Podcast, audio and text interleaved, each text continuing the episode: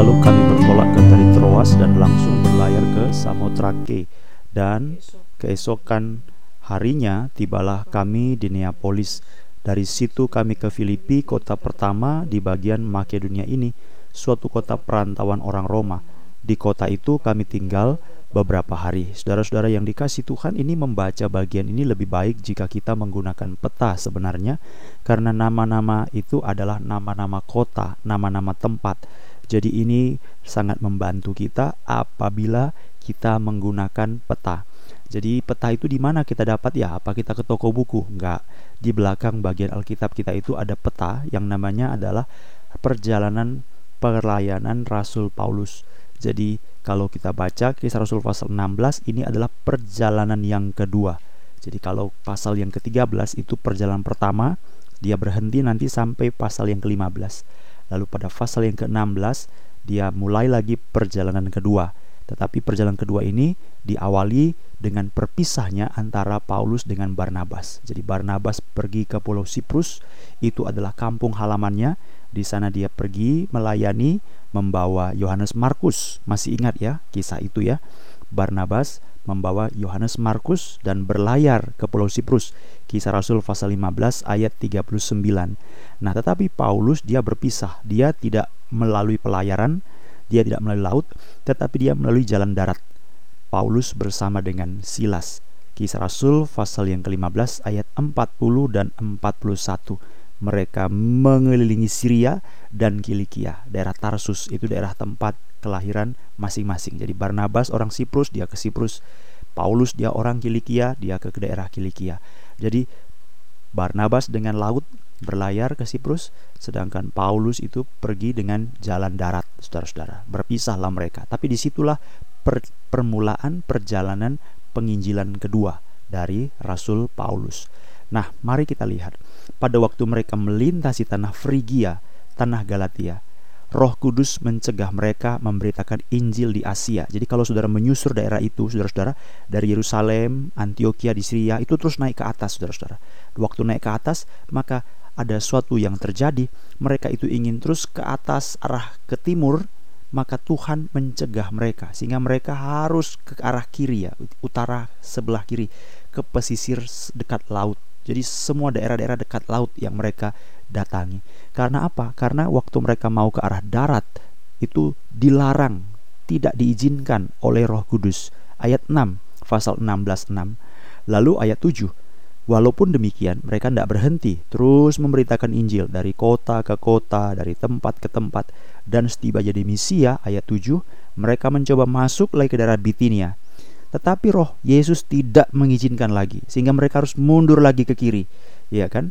Berhenti lagi tidak bisa izinkan ada satu tembok besar yang kira-kira temboknya itu nggak kelihatan tapi seperti di tembok nggak bisa masuk maka mereka merapat ke kiri lebih tepatnya itu adalah daerah-daerah yang disebut dengan Asia Kecil daerah Galatia Asia Kecil setelah melintasi setelah melintasi Misia mereka sampai di Troas nah saudara-saudara dikasih Tuhan jadi ada hal yang sangat indah pada waktu kita baca di sini. Kalau kita baca dalam Galatia pasal 4, jadi ini adalah daerah Galatia dan itu adalah Galatia itu adalah provinsi Saudara-saudara. Jadi provinsi itu kan banyak kota ya. Jadi sama seperti kita ini Sumatera Utara kan banyak kota, ada Medan, Lubuk Pakam, ada Binjai, Tanah Karo, Tebing Tinggi, Pematang Siantar, Sibolga, Rantau Perapat, itu kan nama kota-kota. Jadi Galatia itu nama wilayah sama seperti Sumatera Utara. Tapi nama-nama yang kita sebut tadi ini itu adalah daerah kota-kota yang kita baca di sini. Jadi kita bisa lihat semua itu daerah Galatia, Saudara-saudara. Tapi kalau dekat pantai namanya itu adalah Asia Kecil. Kalau dia ke arah utara, ke kanan, arah timur, maka itu adalah daerah Asia. Jadi, saudara-saudara dikasih Tuhan, Alkitab mengatakan mereka tidak diizinkan masuk ke Asia, ke darat tapi mereka masuk ke daerah pesisir. Nah, itu Asia Kecil. Nah, kalau saudara temukan ini betapa indahnya. Karena apa? Karena daerah Asia Kecil itulah maka kita menemukan nama-nama gereja, nama-nama jemaat yang tercatat dalam kitab Wahyu. Jadi ada namanya Efesus, ada namanya Pergamus, ada namanya Tiatira, ada namanya Laodikia, itu daerah-daerah situ saudara-saudara. Jadi bayangkan kenapa Roh Kudus mencegah mereka Karena Tuhan mau bekerja dengan daerah-daerah ini menjadi satu model bagi jemaat sampai sekarang. Nah, kalau kita baca lagi kisah-kisah dalam kitab seperti surat Galatia, surat Filipi, itu semua adalah surat-surat yang menunjukkan tentang cerita-cerita pelayanan yang dikerjakan oleh Rasul Paulus pada abad pertama. Supaya apa? Supaya menjadi warisan bagi gereja, segera dicatat, wahyu Tuhan ini segera dicatat, lalu dibukukan menjadi warisan bagi kita. Maka sekarang kita punya Alkitab itu surat Galatia, surat Tesalonika, surat Filipi. Nah, kenapa itu terjadi? Karena daerah-daerah itu adalah daerah-daerah yang diizinkan Tuhan untuk dilayani. Daerah itu lebih kecil, daerah Asia itu lebih luas, saudara-saudara. Kalau mereka terus kerja, terus gerak, terus gerak, terus gerak, terus gerak, terus gerak, ya kan? Paulus terus memberitakan Injil dari kota ke kota, kota, kota masuk Asia. Wah, itu pasti tidak keburu, saudara-saudara, karena tempatnya begitu luas. Tetapi dan itu kebanyakan juga adalah daerah-daerah yang banyak gurunnya saudara-saudara. Karena itu luas sekali saudara-saudara. Daerah masuk nanti ke Iran masuk ke daerah Babilonia ya. Masuk ke daerah Irak terus saudara dan tujuannya untuk semua ini adalah agar pada waktu Tuhan bekerja supaya Injil terus diberitakan sampai menyeberang menyeberang nanti masuk daerah Eropa saudara-saudara. Jadi itulah sebabnya dalam ayat yang ke-8 ada suatu peristiwa Roh Kudus tidak mengizinkan mereka, lalu pada malam harinya mereka sampai di Troas. Pada malam harinya tampaklah Paulus suatu penglihatan, seorang Makedonia berdiri di situ dan berseru kepadanya, "Menyeberanglah kemari dan tolonglah kami." Ini daerah apa ini? Ini daerah Filipi, saudara-saudara ya. Filipi, Tesalonika itu daerah Makedonia. Menyeberanglah ke sini, menyeberanglah ke sini.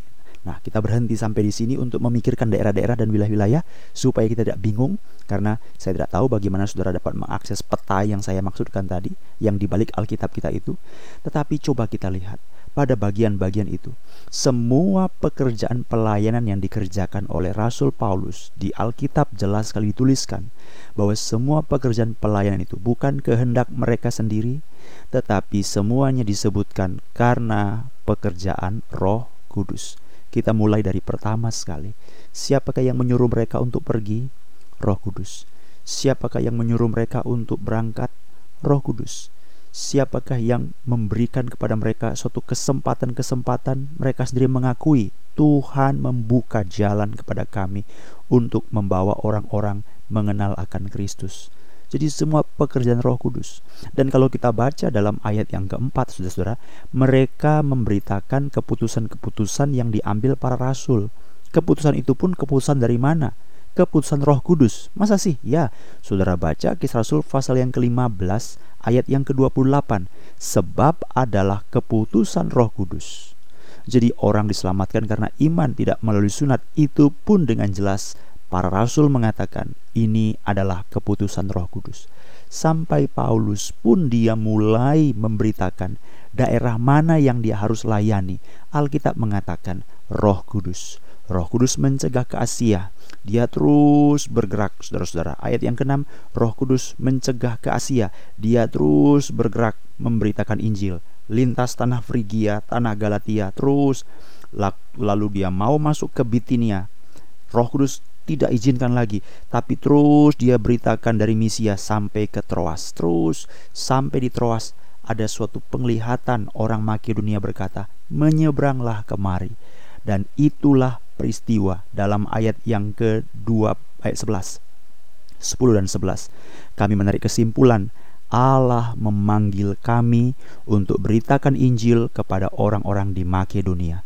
Lalu kami bertolak dari Troas berlayar ke Samotrake. Nah, ini dia baru menggunakan kapal ya. Tadi darat terus darat terus sekarang dia baru pakai laut ya.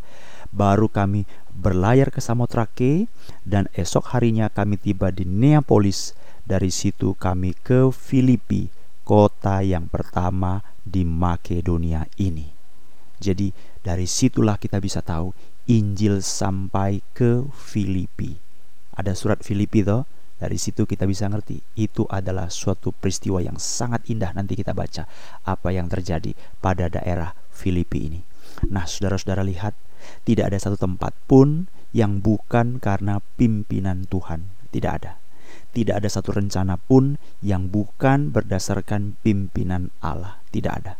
Tidak ada satu niat pun yang bukan berdasarkan pimpinan Roh Kudus. Jadi, walaupun kemarin itu Paulus dan Barnabas berselisih, tetap itu pun pimpinan Roh Kudus. Kenapa bisa? Kok berselisih pimpinan Roh Kudus? Karena dari awal kita lihat tidak ada satu pun, bayangkan saudara-saudara, tidak ada satu pun yang bukan karena pekerjaan daripada Roh Kudus.